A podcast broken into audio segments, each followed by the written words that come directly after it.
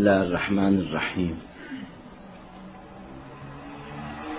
الحمد لله رب العالمين والصلاة والسلام على أشرف خلق الله سيد الأنبياء والمرسلين أبي القاسم محمد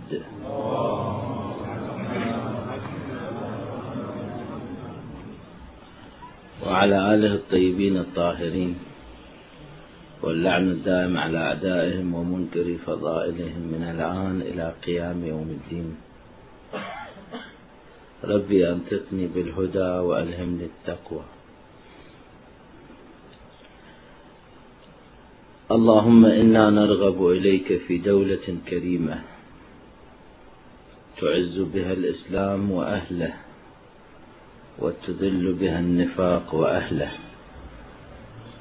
وتجعلنا فيها من الدعاة إلى طاعتك والقادة إلى سبيلك. برحمتك يا أرحم الراحمين. اللهم أرنا الطلعة الرشيدة والغرة الحميدة. واجعلنا من خلص شيعته وأنصاره وأعوانه وأصحابه وخدامه وتلامذته وأسرته. والمستشهدين بين يديه. واجعل صلاتنا به مقبولة وذنوبنا به مغفورة وحوائجنا به مقضية وهمومنا به مكفية وأرزاقنا به مبسوطة ودعاءنا به مستجابة. اللهم واجعلنا كما تحب وترضى. في أيام الغيبة الكبرى. ووفقنا لما تحب وترضى. في مثل هذا الشهر المبارك في ضيافتك الكبرى. الحديث عن صاحب الأمر عليه الصلاة والسلام. حديث شيق. حديث عن يوسف الزهراء. حديث عن محبوب القلوب. إلا أنه الحديث عنه إنما يكون في أبعاد مختلفة. وحديثنا والموضوع الذي أعد إنما هو في جانب خاص من الحديث حول صاحب الأمر عليه الصلاة والسلام وعجل الله فرجه الشريف. وذلك في بيان سيرته المباركة. لماذا هذا الحديث في مثل هذه الأيام؟ في مثل شهر رمضان المبارك. هناك علاقة وطيدة ووثيقة بين صاحب الأمر وبين شهر رمضان مبارك في كل عام. إذ أنه الشهور والأيام والساعات ليست إلا نتيجة حركة المنظومة الشمسية. فمن حيث الزمن وحقيقة الزمن وماهية الزمن إنما هي ماهية واحدة وحقيقة واحدة. إنما الاختلاف في الأيام والشهور من حيث الفضيلة والتقدم والتأخر من حيث النحوسة أنه يوم النحس ومن حيث السعادة يوم سعيد. وليلة سعيدة وليلة نحسة وساعة سعيدة وساعة نحسة إنما ذلك باعتبار ما يحدث في تلك الساعة في ذلك اليوم في تلك الليلة في ذلك الشهر في ذلك السنة تلك السنة وما شابه ذلك. فيكون باعتبار المسببات.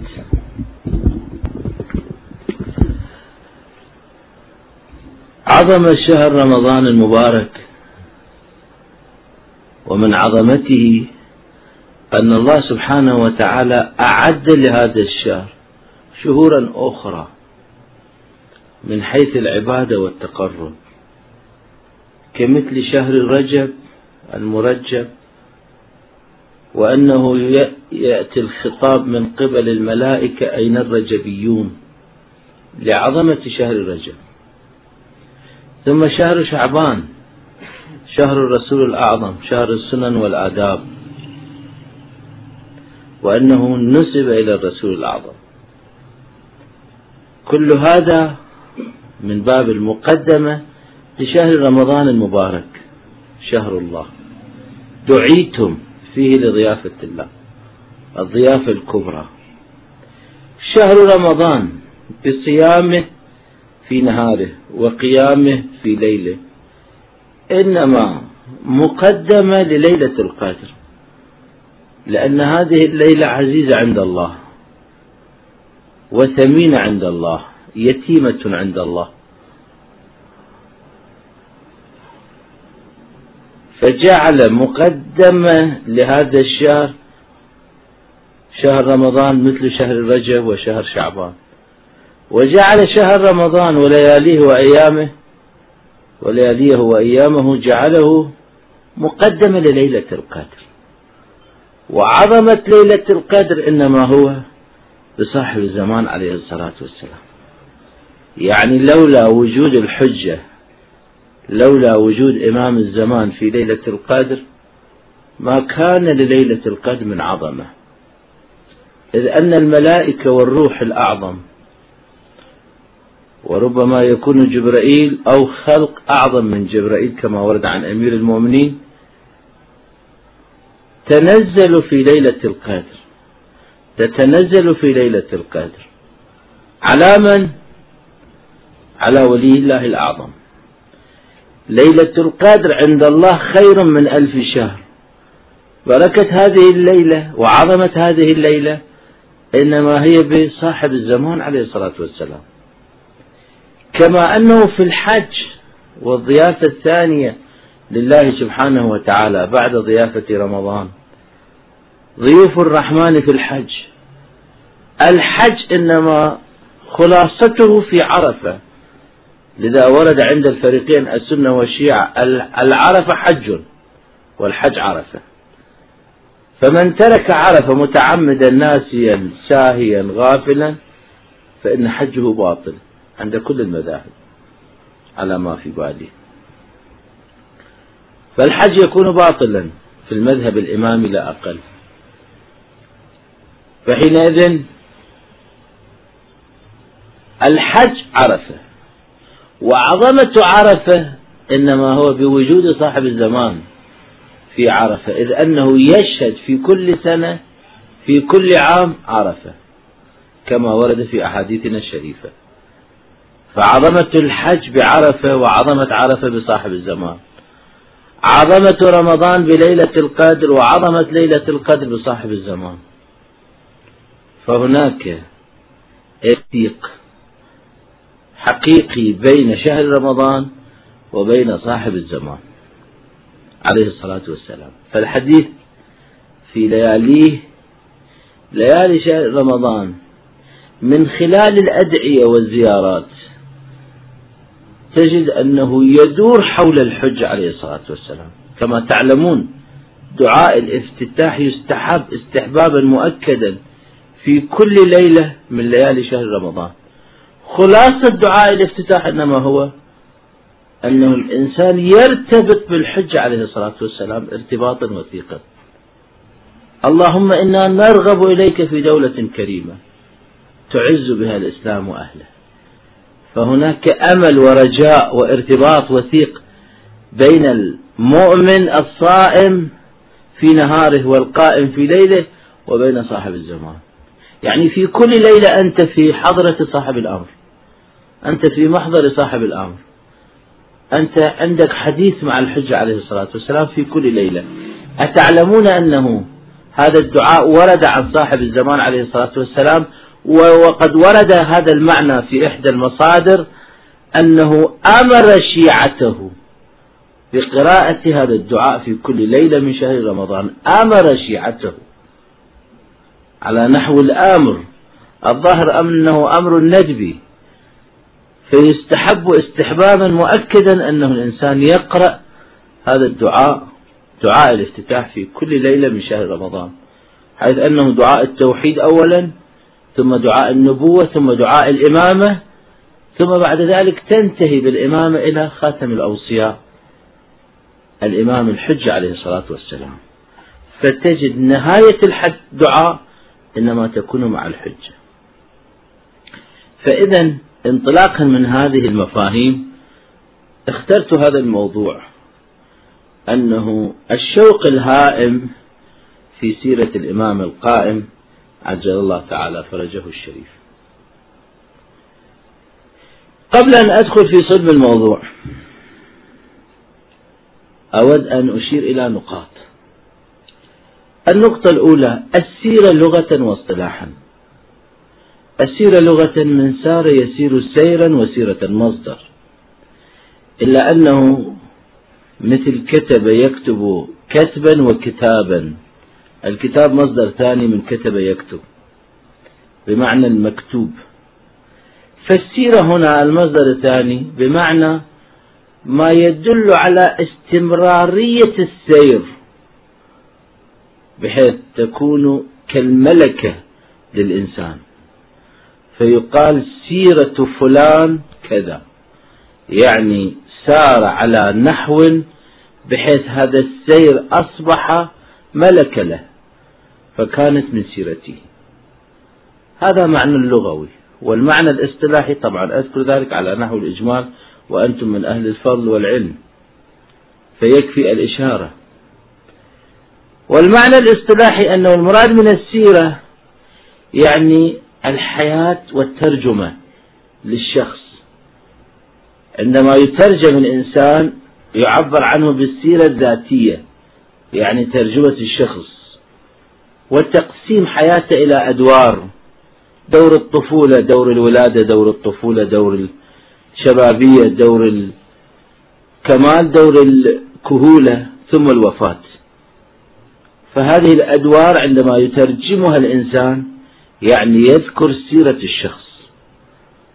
فالمراد من السيرة حينئذ يعني الأقوال والأفعال والحركات والسكنات التي تصدر من الإنسان خلال حياته وتكون على نحو أنها تصبح ملكة عنده ويقتدى ويحتذى به ويتأسى به حينئذ. سيرة فلان العالم الرباني سيرة فلان الشاعر يعني ترجمته الذاتية. وعندما نقول سيرة الرسول الأعظم صلى الله عليه وآله وسلم نقصد بذلك ما جرى في حياته من الوقائع والحوادث التي كان له دور بارز في تلك الوقائع والحوادث. من قول من فعل من تقرير فيكون حينئذ ما يفعله ما يقوله ما يقرره حجة لنا. إذ أنه من السنة والسنة الشريفة بمعنى قول المعصوم فعل المعصوم وتقرير المعصوم وهو حجة فنحتج بسيرة رسول الله. وامتدادا لسيرة رسول الله سيرة الأئمة الأطهار عليهم الصلاة والسلام. أيضا حياتهم الذاتية وسيرتهم الذاتية. يعني ما عندهم من أقوال وأفعال من أحاديث شريفة. ما عندهم من تقرير في مقام الإقرار والتقرير. لفعل من الأفعال إذا فعله شخص أمامهم وسكتوا عن ذلك وقرروا فعله فإنه يكون من سيرتهم. فهذا ما يعبر عنه بالسيرة. حديثنا عن السيرة المهدوية أنه نريد أن نرى ما هي السيرة المهدوية عند ظهوره. لماذا؟ لماذا هذا الحديث؟ أما يكفينا السيرة النبوية أما يكفينا السيرة العلوية أما يكفينا السيرة الفاطمية؟ لا يكفينا ذلك يا إخوان عندما تكون السيرة المهدوية لأن السيرة المهدوية تختلف عن السير سيرة الرسول الأعظم سيرة أمير المؤمنين سيرة فاطمة الزهراء. حتى يصل الأمر إلى أنه من شيعته من ينكر عليه ذلك. ويقول له ارجع من حيث ما أتيت. لأنه يصعب عليه أن يتقبل السيرة المهدوية. لماذا؟ لا بد أن نعرف السيرة المهدوية ونمهد أنفسنا. نوطئ أنفسنا على هذه السيرة حتى نتفاعل بها. نتفاعل معها نتعايش معها من الآن. نعد أنفسنا من الآن. لأنه لا ندري ماذا يكون في المستقبل. عندما يظهر الحجة عليه الصلاة والسلام ونرى من سيرته ما لم يكن في خبرنا ما لم يكن في علمنا.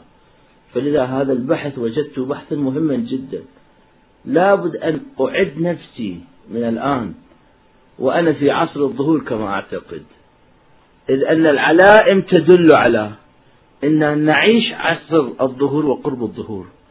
فحينئذ ليت شعري أين استقرت بك النوى أبرضوى أم ذي طوى أم غيرها؟ يا ابن أحمد صلى الله عليه وآله وسلم هل إليك سبيل فتلقى؟ هل يتصل يومنا بعدة أو بغد فنحظى متى ترانا ونراك؟ وقد نشرت لواء الناصر إذا نحن نعيش هذه الحالة الآن فلا بد أن نعرف السيرة المهدوية. وماذا تعني؟ وكيف تكون هذه السيرة؟ إن السيرة المهدوية قد جمعت بين السيرة النبوية والسيرة العلوية والسيرة الفاطمية. وهذا ما توصلت إليه من خلال الأحاديث الشريفة. إذا موضوعي خلال ليلتين إن شاء الله إنما يكون في هذا الإطار. إنما يكون في هذا المعنى أنه ما هي السيرة المهدوية. صاحب الأمر عليه الصلاة والسلام كيف يكون عندما تقوم دولته العالمية؟ كيف تكون سيرته في العالم؟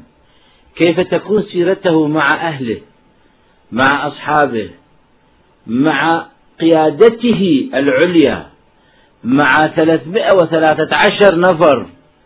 الذين هم الصفوة والقيادة الأولى لصاحب الأمر. مع جنده مع جيشه كيف يكون سيرة الإمام المهدي؟ مع الناس كيف يكون الإمام المهدي عليه الصلاة والسلام؟ عندما يكون الحج من سيرة الإمام عليه الصلاة والسلام أنه يأمر الحجاج أن لا يأتوا بطواف المستحب ويدعوا المطاف لمن عليه الطواف الواجب لكثرة الناس لازدحام الناس أنه يدع الطواف فقط لمن عليه الطواف الواجب. وأما من يريد أن يأتي بطواف مستحب يمنعه الإمام. هذا من سيرة صاحب الأمر. ربما الآن إذا ظهر صاحب الأمر وأراد أن يفعل ذلك ربما البعض ينكر عليه ذلك. أنه أخي أنا تعبان سيدي ومولاي إمام زماني أنا تعبان جئت من بلد نائي بعيد للزيارة أطوف طواف واحد وهو طواف الواجب ثم أخرج وأجلس وأنظر إلى الكعبة وأدع. الناس يطوفون طوافهم الواجب وأنا لا أطوف طواف المستحب. أنا لا أريد هذه السيرة ولا أريد هذه الدين والعياذ بالله والعياذ بالله. تجد من ينكر. عندما يأتي الحج عليه الصلاة والسلام من سيرته أنه هذه الشرف التي تخرج على الشارع العام مثلا الأزقة العامة شرف الغرف. تجد بعض بعض البيوت شرف تخرج بمقدار متر على على الشوارع أو الأزقة. الإمام يأتي ويأمر بتخريب وتهديم هذه الشرف لأنه أخذ من حق عامة الناس ولا يجوز ذلك. هذا من عامة الناس أن يكون الشارع كله من الأرض إلى عنان السماء للناس لعامة الناس. فكيف هذا الرجل صاحب الدار يأخذ شرفة ويخرج مترا من غرفته على الشارع. يأمر بتهديم ذلك. ربما بعضنا لا يقبل هذا المعنى. يقول سيدي ارجع من حيث ما أتيت. تريد أن تخرب بيتي وداري أنا تعبان على هذا البيت والدار. أتدرون من سيرة الحج عليه الصلاة والسلام أنه عندما يأتي هؤلاء الذين يفرشون في في الأزقة للبيع مثلا وللشراء يفرشون عندهم البسائط. بسطة وما شابه ذلك. يفرشه في الشارع ويبيع. الآن متداول. وعندما تأتي البلدية تجد الكل يتراكض خوفا من البلدية. في يوم ظهور الحج عليه الصلاة والسلام يمنع ذلك. على أنه من حق العامة ومن حق المارة. لا يجوز أن تأخذ الشارع. هؤلاء أصحاب الدكاكين الآن تجد أي أي سوق يدخله تجد أنه يأخذ نصف متر من الشارع ليجعل المتاع فيه مثلا. أمتعته يجعله في الشارع. يأتي الحج عليه الصلاة والسلام والبلدية في أيام الحج عليه الصلاة والسلام وفي سيرته ويرجع هذا المعنى أنه لا يجوز لك أن تخرج من دكانك وتأخذ طريق المارة مثل هذه القضايا عندما نقرأها في الحديث الشريف واقعا ربما الإنسان يتوقف. أنه كيف يكون ذلك؟ فهل نتحمل نحن أنه إذا ظهر الحجة بهذه السيرة المباركة هذه السيرة التي عين العدالة يملأ الأرض قسطا وعدلا بعدما ملئت ظلما وجورا فلا بد أن نمهد ونستعد نمهد أنفسنا ونستعد للسيرة المهدوية. لذا اخترت هذا الموضوع. فالسيرة بمعنى العمل الذي يعمله الإنسان حتى يشتهر بذلك بين الناس. هذا من ناحية المعنى الاصطلاحي. النقطة الثانية القرآن الكريم والعترة الشريفة كلامهم إنما بمنزلة الأصول. أوضح هذا المعنى. ورد عن الإمام الرضا عليه الصلاة والسلام كما ورد عن بقية الأئمة عن بعض الأئمة عليهم الصلاة والسلام كالإمام الصادق والإمام الباقر على ما في بالي أنه علينا بإلقاء الأصول وعليكم بالتفريع. يعني كلامنا إنما يكون كلام أصل كالقانون الأساسي. القرآن الكريم إنما يكون أصلا وكالقانون الأساسي. القرآن يقول أقيموا الصلاة بهذا المقدار. أما أنه صلاة الصبح ركعتين صلاة الظهر أربع ركعات في الحضر وفي السفر ركعتين هذا ما لا يذكره القرآن الكريم. لأن القرآن إنما ألقي على لغة الأصول علينا إلقاء الأصول ويبقى عليكم التفريع. من السنة الشريفة. فحينئذ الأئمة عليهم الصلاة والسلام ألقوا الأصول علينا. ويبقى على العلماء على الحوزات العلمية أنه تستنبط وتجتهد وتستخرج الفروعات التي تطابق الزمان والمكان. لأن الزمان والمكان عنصران أساسيان في الاجتهاد في الاجتهاد والاستنباط. فحينئذ علينا كحوزويين أنه نستخرج من هذه الأصول. أتعلمون وأنتم الحمد لله أكثركم من الحوزويين. أتعلمون أن الاستصحاب الذي يبحث عنه في الحوزة العلمية في كل الحوزات العلمية الشيعية يبحث عن الاستصحاب في علم الأصول خلال ست سنوات. بالضبط ست سنوات. من المعالم يبدأ بالمعالم فيه بحث الاستصحاب.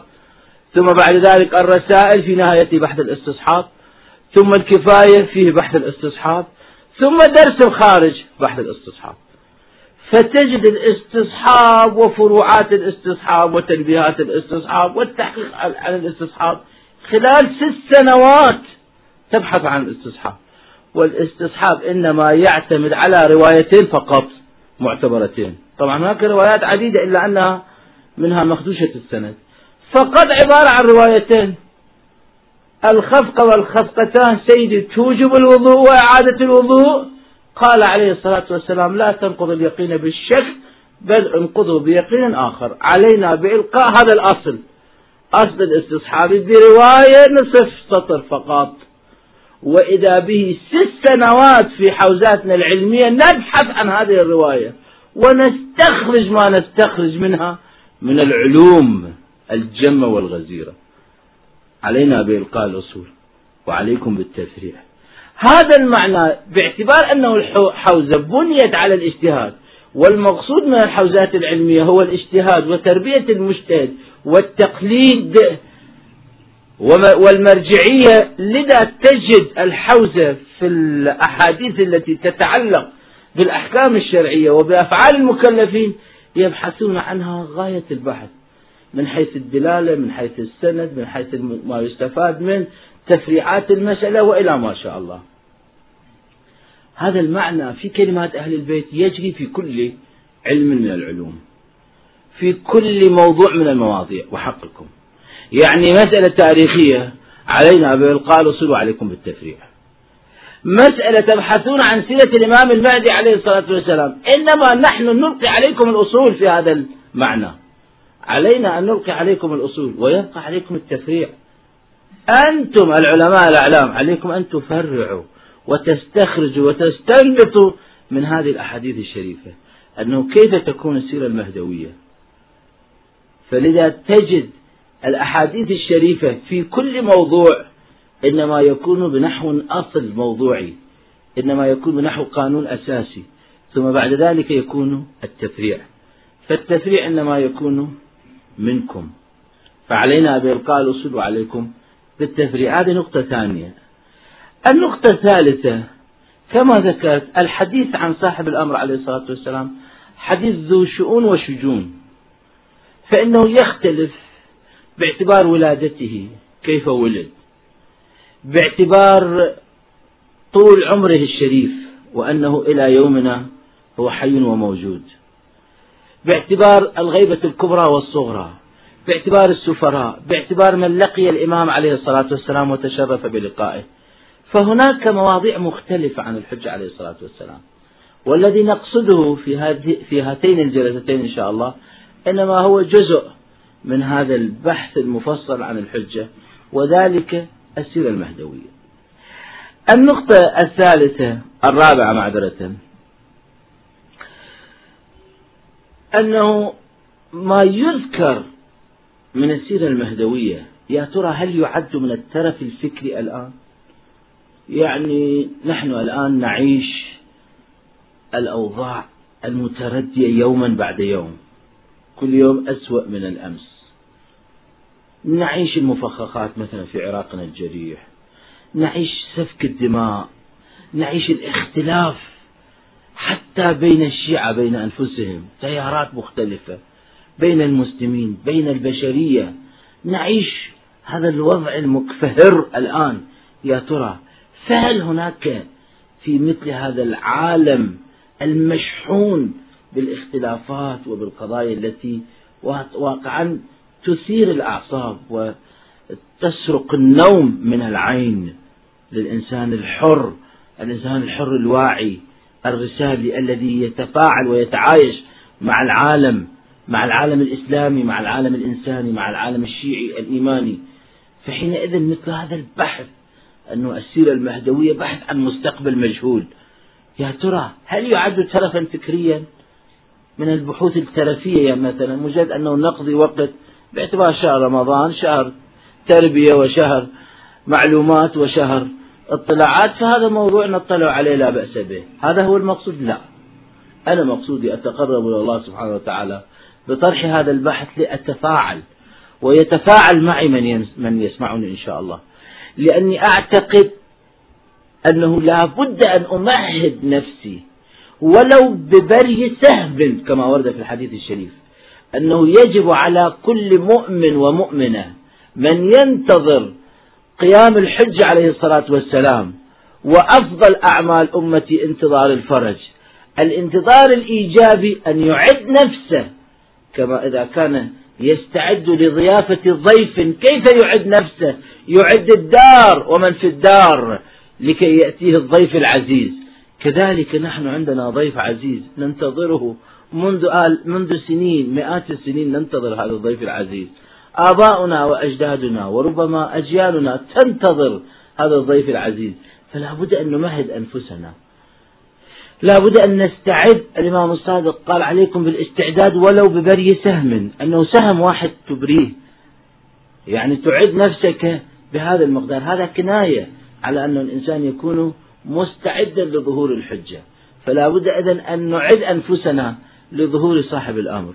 وهذا الاستعداد إنما يكون نظريا وتطبيقيا علميا وعمليا. يعني لابد أن تكون عالما لأنه لولا العلم لولا العلم لتجد هناك دعوات ضالة ومضلة.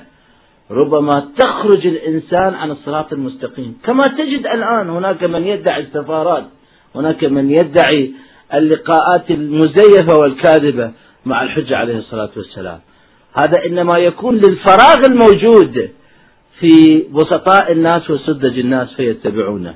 فلا بد إذا من تثقيف أنفسنا من تثقيف المجتمع. لا بد من أن لا بد من أن نصعد هذا الفكر الشيعي ولا بد من أن نثري الفكر الشيعي من الناحية العلمية ومن الناحية العملية. إذا هذا البحث لم يكن ترفا فكريا إنما هو مقصود بالذات. ولا بد أن نجعله سبيلا ومن خلال هذا السبيل نصل إلى الهدف المنشود من وجودنا ومن وجود الحج عليه الصلاة والسلام. بيمنه رزق الورى وبوجوده ثبتت الأرض والسماء. ونحن إنما وجدنا لأجل العبادة. وهذه العبادة لا تتم إلا من خلال الحج عليه الصلاة والسلام. بنا عرف الله وبنا عبد الله. فحينئذ هناك ارتباط وثيق بيننا وبين صاحب الأمر. فلا بد أن نعرف نعرف الحجة من ولادته وإلى وجوده حيا وإلى ظهوره ويوم الخلاص الموعود وإلى سيرته المباركة ودولته المباركة.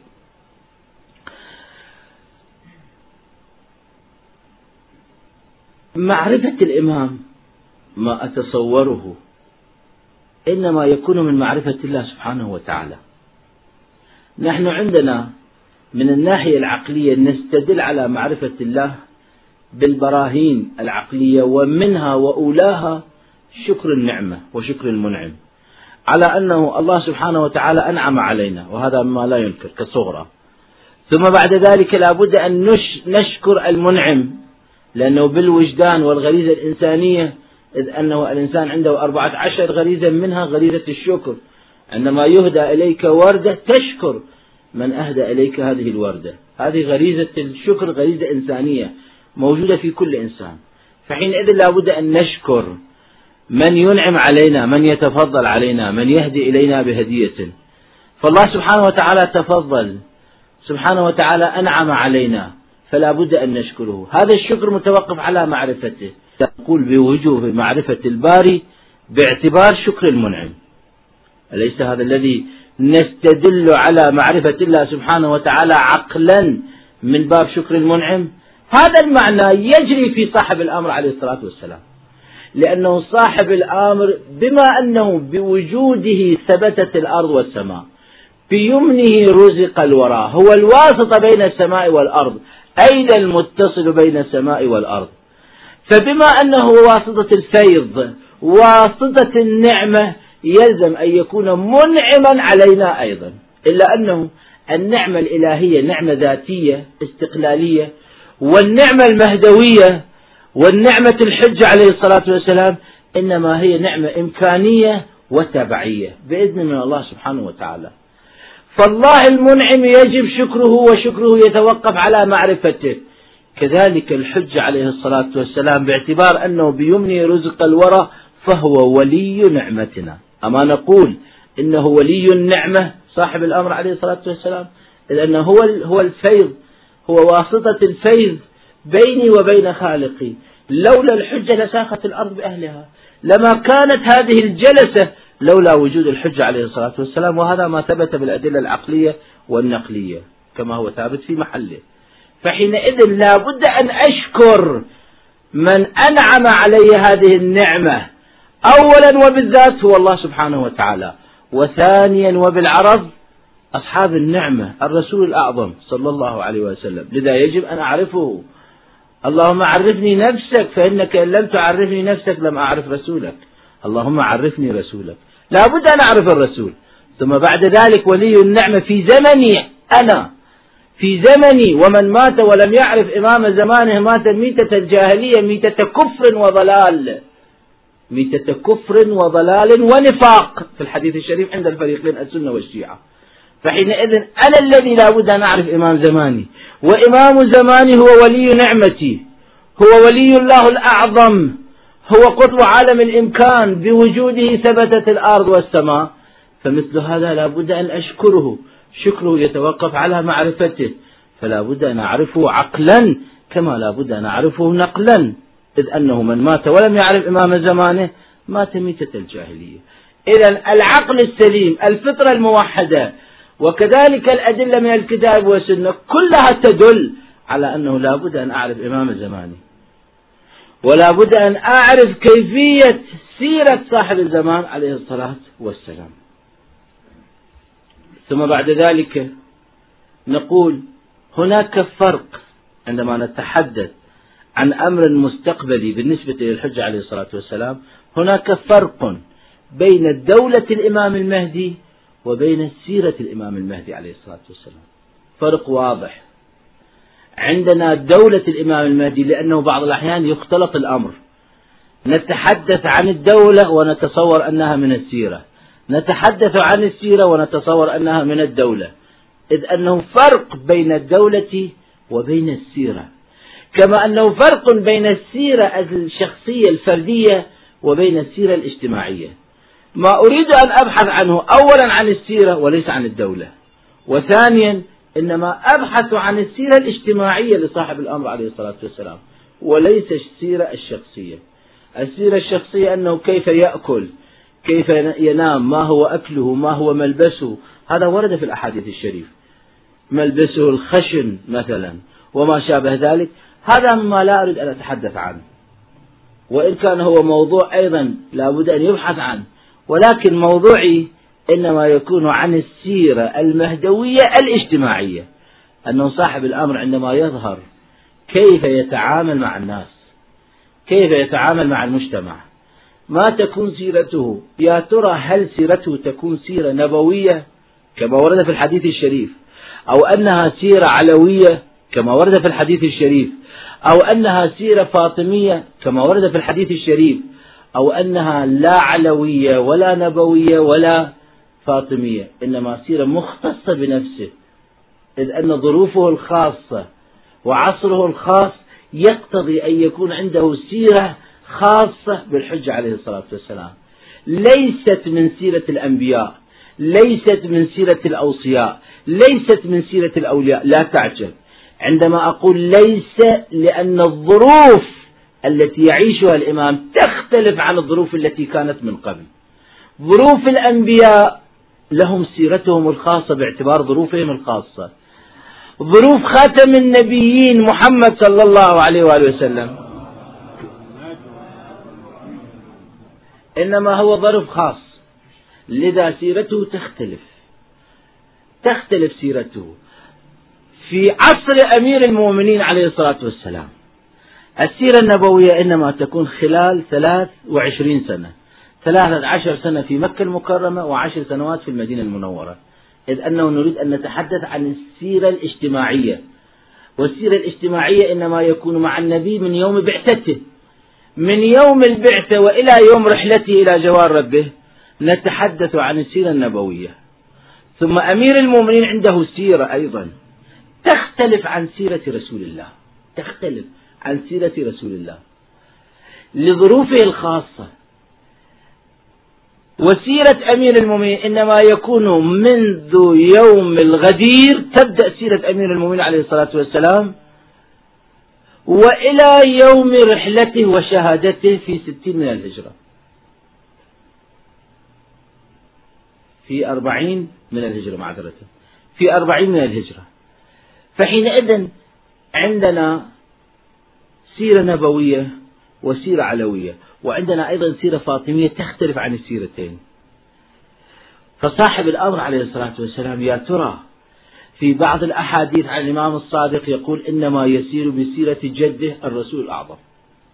في بعض الأحاديث يقول إنما يسير بسيرة جده أمير المؤمنين وسيرة أمير المؤمنين تختلف عن سيرة رسول الله. وأبين ذلك بالأدلة ثم الحج عليه الصلاة والسلام يقول ولي في أم فاطمة الزهراء أسوة. أنا أتأسى بأم فاطمة الزهراء يعني سيرتي سيرة فاطمية. الأيمن السيرة النبوية والضلع الأيسر السيرة العلوية بيان ذلك. قبل أن أدخل في هذا الموضوع بالتفصيل أشير إلى الدولة المهدوية من خلال الآيات الشريفة الواردة في هذا الباب. طبعا نموذج فقط بعض الآيات كنموذج أذكرها للتيمن والتبرك إذ أنه ركائز ومقومات الدولة المهدوية إنما تبتني على أقطاب ومحاور أولية. كما أن هناك معطيات للدولة المهدوية تختلف عن معطيات الدول الأخرى. في عصر الإمام المهدي عليه الصلاة والسلام وفي دولته المباركة تكون هناك معطيات تختلف عما كان من قبل من الدول التي حكمت العالم. منذ آدم وإلى الخاتم وإلى يوم الظهور يوم ظهور صاحب الأمر عجل الله تعالى فرجه الشريف. أولا من أهم المحاور والركائز في دولة الإمام المهدي عليه الصلاة والسلام أنها دولة عالمية تعم العالم جميعا كما ورد في الأحاديث الشريفة. وأنه ما من قرية نائية ولو كانت في جزر بعيدة في وسط البحار. قرى نائية إلا وتسمع فيها أشهد أن لا إله إلا الله وأشهد أن محمد رسول الله صلى الله عليه وسلم. وهذا يعني أن دولته دولة عالمية. من الركائز المهمة في دولة الإمام المهدي أنها دولة عادل يملأ الأرض قسطا وعدلا كما ملئت ظلما وجورا. أنه حكومته حكومة أمن وأمان. تتعايش البشرية كلها بأمن وأمان وحتى الحيوانات حتى الحيوانات فيما بينها تتعايش بأمن وأمان. حتى المرأة تخرج من المشرق إلى المغرب وتحمل على رأسها شيئا ولم يؤخذ منها شيء. وتمشي بأمن وأمان. تتعايش يتعايش الذئب مع الشاه. أنه الذئب يعيش مع الشاة. لماذا؟ لأنه عندما يظهر صاحب الزمان عليه الصلاة والسلام على ما عندنا في ثقافتنا نحن الشيعة أنه الشيطان يقتل. الشيطان يقتل ويموت. لأن الشيطان طلب من الله سبحانه وتعالى عندما أمره الله سبحانه وتعالى أن يسجد لآدم قال لا أسجد. لأني أنا خير من آدم. آدم خلقته من طين وأنا خلقتني من نار والنار أفضل من الطين. فأنا خير من آدم لا أسجد لآدم. قال سبحانه وتعالى أخرج فإنك رجيم. قال يا رب عبدتك عبدتك وسجدت لك وركعت لك بركوع ستة آلاف سنة. ركوع الشيطان كان ستة آلاف سنة. أريد أجرة عبادتي. لأن عبادته لم تكن خالصة منذ اليوم الأول. قصة مفصلة عن الشيطان لا أدري. تعلمونها أو لا. أنه الشيطان كان من الجن كان في الأرض. والله سبحانه وتعالى لما رأى الجن قد أفسدوا في الأرض فسادا ذريعا أمر الملائكة ومنهم جبرائيل أن ينزلوا الأرض ويحاربوا الجن. فحاربوا الجن وقتلوهم وأسروا إبليس. إبليس كان مرجع للجن أنذاك. مرجع تقليد إن صح التعبير. كان من العلماء الأعلام للجن. كان عالما. للجن. فطلب الملائكة من رب العالمين أنه يا رب نقتله كما قتلنا بقية الجن. جاء الخطاب لا تقتلوه إنما ارفعوه إلى السماء. تعالوا به إلى السماء لأنه عالم والعالم يوقر يحترم. من وقر عالما فقد وقر ربه. فلذا احترام الشيطان عالم. لو كان في الحديث الشريف لو كان للعلم غير التقى شرفا لكان إبليس أشرف خلق الله لأنه أعلم خلق الله. أتعلمون أنه إبليس أعلم خلق الله. فلذا قال الله سبحانه وتعالى علي بإبليس إلى السماء جاء إلى السماء وعبد لأن إبليس علم بأن الله سبحانه وتعالى عنده علم خاص. لا يعطيه إلا إلى الولي المقرب إلا إلى الخليفة التي يكون الذي يكون هو الاسم الأعظم ومظهر الاسم الأعظم والذي يكون الإنسان الكامل والذي يكون الولي الأعظم الكامل والذي يكون مظهر لأسماء الله ومظهر لاسم الله الأعظم. فكان يبحث عن هذا العلم فعبد الله سبحانه وتعالى من أجل أن يصل إلى هذا العلم. إلا أن الله سبحانه وتعالى اقتضت حكمته أن يخلق الشيء أن يخلق آدم ثم علم آدم الأسماء كلها. ففلس الشيطان. قال أنا عبدت الله سبحانه وتعالى حتى أصل إلى العلم. هناك في الحوزة باعتبار أنتم من الحوزويين. هناك في الحوزة من يدرس في الحوزة لكي يصل إلى المرجعية. فعندما لم يصل إلى المرجعية يفلس منها تجده ينقلب على عقبيه. ويكون ضد الدين والعياذ بالله. والعياذ بالله وعندي على ذلك الشاهد. فحينئذ إبليس وجد أنه فلس. لذا طلب أجرة العبادة. قال يا رب عبدتك عبدتك سجدت لك وركعت لك ستة, ستة آلاف سنة. اعطني أجرة. أريد الأجرة. أنت لا تضيع عمل عامل منكم. وأنا عملت لك لا تضيع عملي. قال اطلب ما تريد. فطلب من الله طلبتين. واحدة من هذه الطلبة أنه انظرني إلى يوم يبعثون. إلى يوم القيامة. أنا أكون من المنظرين من, ال... من الذين الله سبحانه وتعالى يعطيني مجال أبقى. لماذا؟ لأني أريد أن أغوي آدم وأبناء آدم وعزتك لأغوينهم أجمعين. إلا عبادك منهم الصالحين. لأن آدم صار سبب ضلالي آدم صار سبب أني خرجت من الجنة. أنا كنت في الجنة أنا كنت طاووس الملائكة. لأن الشيطان وصل إلى مرحلة أنه أصبح طاووس الملائكة من شدة عبادته لكي يصل إلى ذلك العلم الخاص علم الولي. ولكن لما لم يصل وعصى الله سبحانه وتعالى وعصى الشيطان ربه. عند ذلك الله قال أخرج فإنك رجيم إنك ملعون. أخرجه وطرده عن رحمته. لذا قال يا رب انظرني إلى يوم القيامة حتى أظل أظلل أظل. آدم وبني آدم. يقال يوما ما دخلنا في موضوع آخر. لا أدري لماذا دخلت في هذا الموضوع. ربما رزقكم يقتضي هذا. أنه دخلت في هذا الموضوع. أنه آدم الشيطان جاء إلى نوح. أراد أن يضل نوح. نوح شيخ الأنبياء. أراد أن يضله. نوح تعجب. قال يا شيطان ومعي أنا نوح. معي تريد أن تضلني؟ يقال ضحك ضحك الشيطان وقال ومع أبيك آدم. أنا الذي أخرجته من الجنة. أبوك وأمك آدم. أخرجتهما من الجنة. يعني أنا مع الكل حتى مع الأنبياء. لذا الرسول الأعظم قال إن شيطاني آمن بي وأسلم على يدي. فالشيطان للجميع لأغوينهم أجمعين. قال انظرني إلى يوم يبعثون إلى يوم القيامة. قال إنك من المنظرين إلى يوم معلوم. في الحديث الشريف اليوم المعلوم هو يوم ظهور صاحب الأمر عليه الصلاة والسلام. عندما يظهر الحج عليه الصلاة والسلام هذا الركن الأساسي في إضلال الناس في إلقاء العداوة بين الناس. إن الشيطان يلقي بينكم العداوة والبغضاء. هذا الركن الأساسي يموت فتموت العداوة والبغضاء. لذا تجد الناس كلهم يعيشون بوداد ومحبة وصفاء. حتى الحيوانات. الذئب يعيش ويرعى مع الشاة في مرعى واحد. يمشي الذئب مع الشاة من دون أن يأكل الشاة. هذا ما ورد في أحاديثنا الشريفة لأن الشيطان يموت. طبعا تبقى النفس الأمارة بالسوء. فحينئذ الإنسان يظل من خلال النفس الأمارة بالسوء. أما من خلال الشيطان فلا. فعلى كل حال السيرة المهدوية عليه الصلاة والسلام إنما هي ذات مثلث أضلاع ثلاثة السيرة النبوية والسيرة العلوية والسيرة الفاطمية. بيان ذلك سأذكره إن شاء الله في جلسة قادمة. وأما بالنسبة إلى دولة صاحب الأمر عليه الصلاة والسلام فإنها دولة عالمية فيها العادل فيها إحقاق الحق وأنه صاحب الأمر يأخذ الحق من كل ذي. من لم يكن عنده الحق من لم يكن صاحب حق يأخذ الحق منه ويعطي ذلك لصاحب الحق. وهناك معطيات الأمن والأمان.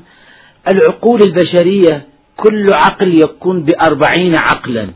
يعني العلم يتقدم ويتقدم حتى يصبح كل عقل إنساني وهذا يدل على العقلانية في دولة الإمام المهدي عليه الصلاة والسلام أنه الحكم حكم عقلاني. العاقل هو الذي يكون حاكما أنذاك. فالعقول البشرية تزداد وغير ذلك من المعطيات.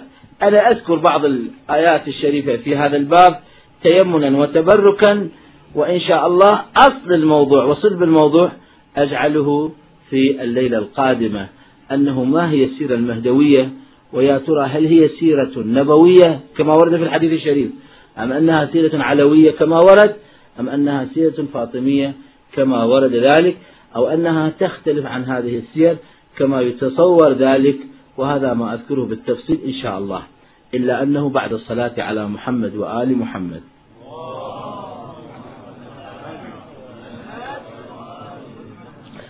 من الآيات الكريمة في قوله تعالى هو الذي أرسل رسوله بالهدى ودين الحق.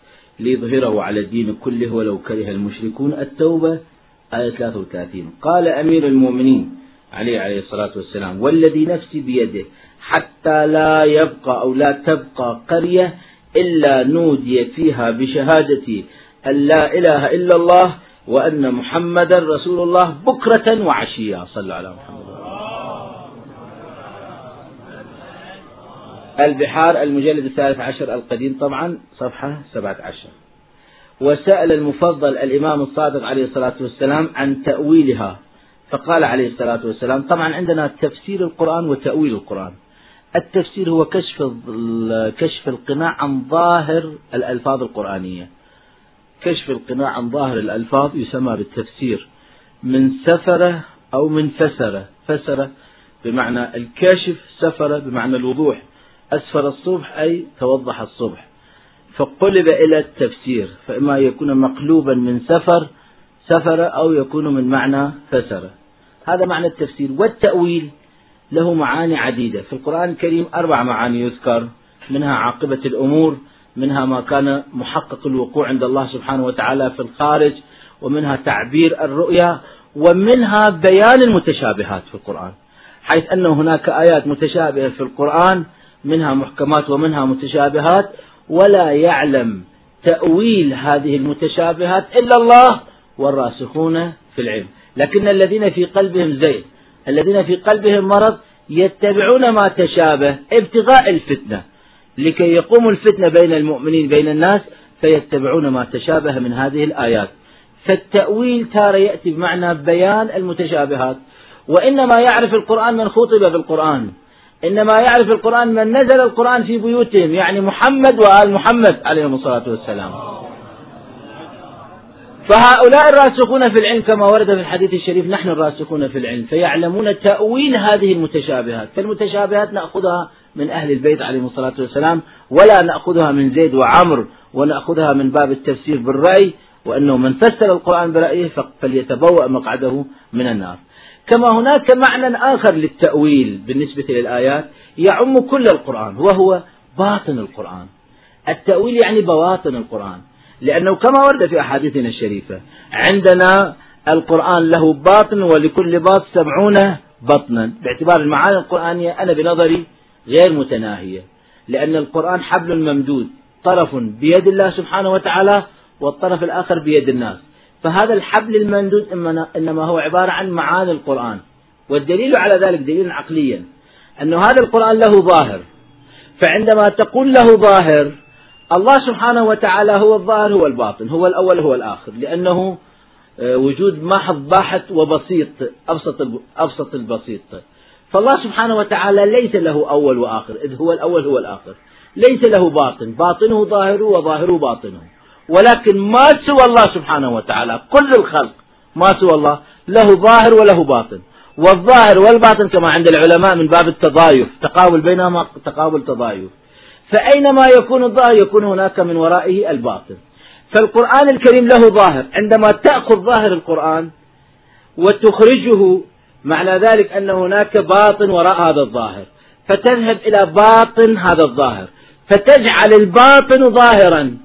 فإذا جعلت الباطن ظاهرا أصبح لهذا الباطن الذي أصبح ظاهرا ثانويا أصبح له باطنا آخر. فتأتي إلى الباطن الثاني وتخرجه وتجعله ظاهرا والظاهر له باطن فإذا تذهب وراء الباطن الثالث. والثالث تذهب إلى وراء الباطن الرابع وهكذا إلى أن تنتهي إلى الله سبحانه وتعالى وإلى ربك المنتهى. والله بسيط والله سبحانه وتعالى هو الأول هو الآخر هو الظاهر هو الباطن. فعلمه بلا نهاية كمال العلم مطلق العلم. والعلم المطلق مطلق الكمال. والكمال المطلق فلذا كل شيء ينتهي إلى الله سبحانه وتعالى. فهذه المعاني القرآنية متتالية متتالية إلى أن يصل إلى ربك إلى علم بلا نهاية. وهذا يعني أنه القرآن كلام الله يلزم أن يكون بواطنه بلا نهاية لأنه علم الله. مأدبة الله القرآن مأدبة الله. علم الله في القرآن الكريم. الله يتجلى في القرآن الكريم كما في الحديث الشريف. فإذا علوم علوم الله سبحانه وتعالى يعني علم الله سبحانه وتعالى. علم الله سبحانه وتعالى قدرة الله صفات الله أسماء الله كلها تتجلى في القرآن. وبما أن الله بذاته بصفاته وبأفعاله بلا نهاية كذلك هذا القرآن يجب أن يكون بلا نهاية بهذا المعنى الذي أذكر. عندما ينتهي إلى الله سبحانه وتعالى يكون بلا نهاية كالروح الإنسانية. الروح الإنسانية عندما تفنى في الله في مقام الفناء في الله وتبقى بالله في مقام البقاء في الله عند ذلك تكون روح أبدية كأبدية الله سبحانه وتعالى كأبدية الله. إلا أنه أبدية الله ذاتية استقلالية وأبدية الإنسان إنما تكون إمكانية وتبعية. الظاهر الوقت انتهى. نعم؟ آه. قيامك يدل على أن الوقت قد انتهى. على كل حال أنا الآن يعني الآن صعدت عندي الحماوة العلمية الحرارة العلمية صعدت عندي ونسيت الوقت. بعض الأحيان الإنسان تصعد عند الحماوة وينسى الوقت. على كل حال سبحانه وتعالى هذا القرآن الكريم يجب أن يكون بلا نهاية في مع في علمه. فالتأويل بمعنى إظهار البواطن القرآنية من كل الآيات. وهذا علمه عند الله سبحانه وتعالى. والراسخون في العلم ومن كان ورثة الراسخون في العلم وهم العلماء الأعلام الصلحاء. لأن العلماء ورثة الأنبياء. فالأنبياء يعلمون حقائق القرآن كما في الحديث الشريف عن الإمام زين العابدين. القرآن له مراتب أربعة ألفاظ لعامة الناس معاني للخاصة وإشارات للأولياء وحقائق للأنبياء. والعلماء ورثة الأنبياء فيفهمون حقائق القرآن. وتأويلات القرآن وبواطن القرآن وهكذا كله من بركة الله ومن بركة شهر رمضان ولكل شيء ربيع وربيع القرآن هو شهر رمضان. فتتفتح الزهور والورود القرآنية بمعانيها بلا نهاية في شهر رمضان المبارك. فحينئذ التأويل بهذا المعنى. فهذه الآيات الشريفة تأويلها يعني ذكر الباطن. كما أنه يأتي التأويل أيضا بمعنى ذكر المصاديق. التأويل تارة يكون بمعنى ذكر المصداق. يعني هناك مصداق للآية الكريمة. نزلت الآية في شأن ذلك المصداق إلا أنه لا تختص بذلك المصداق. لأنه ذلك المصداق قد مات. فإذا كانت الآية مختصة بذلك المصداق وحده ولا غير حينئذ يلزم أن تكون الآية ميتة والآية حي القرآن حي لا يموت. فحينئذ يلزم أن القرآن إذا نزل في شخص خاص فلا يختص بذلك الشخص إنما يعم كل المصادق الذين يشبهون ذلك الشخص.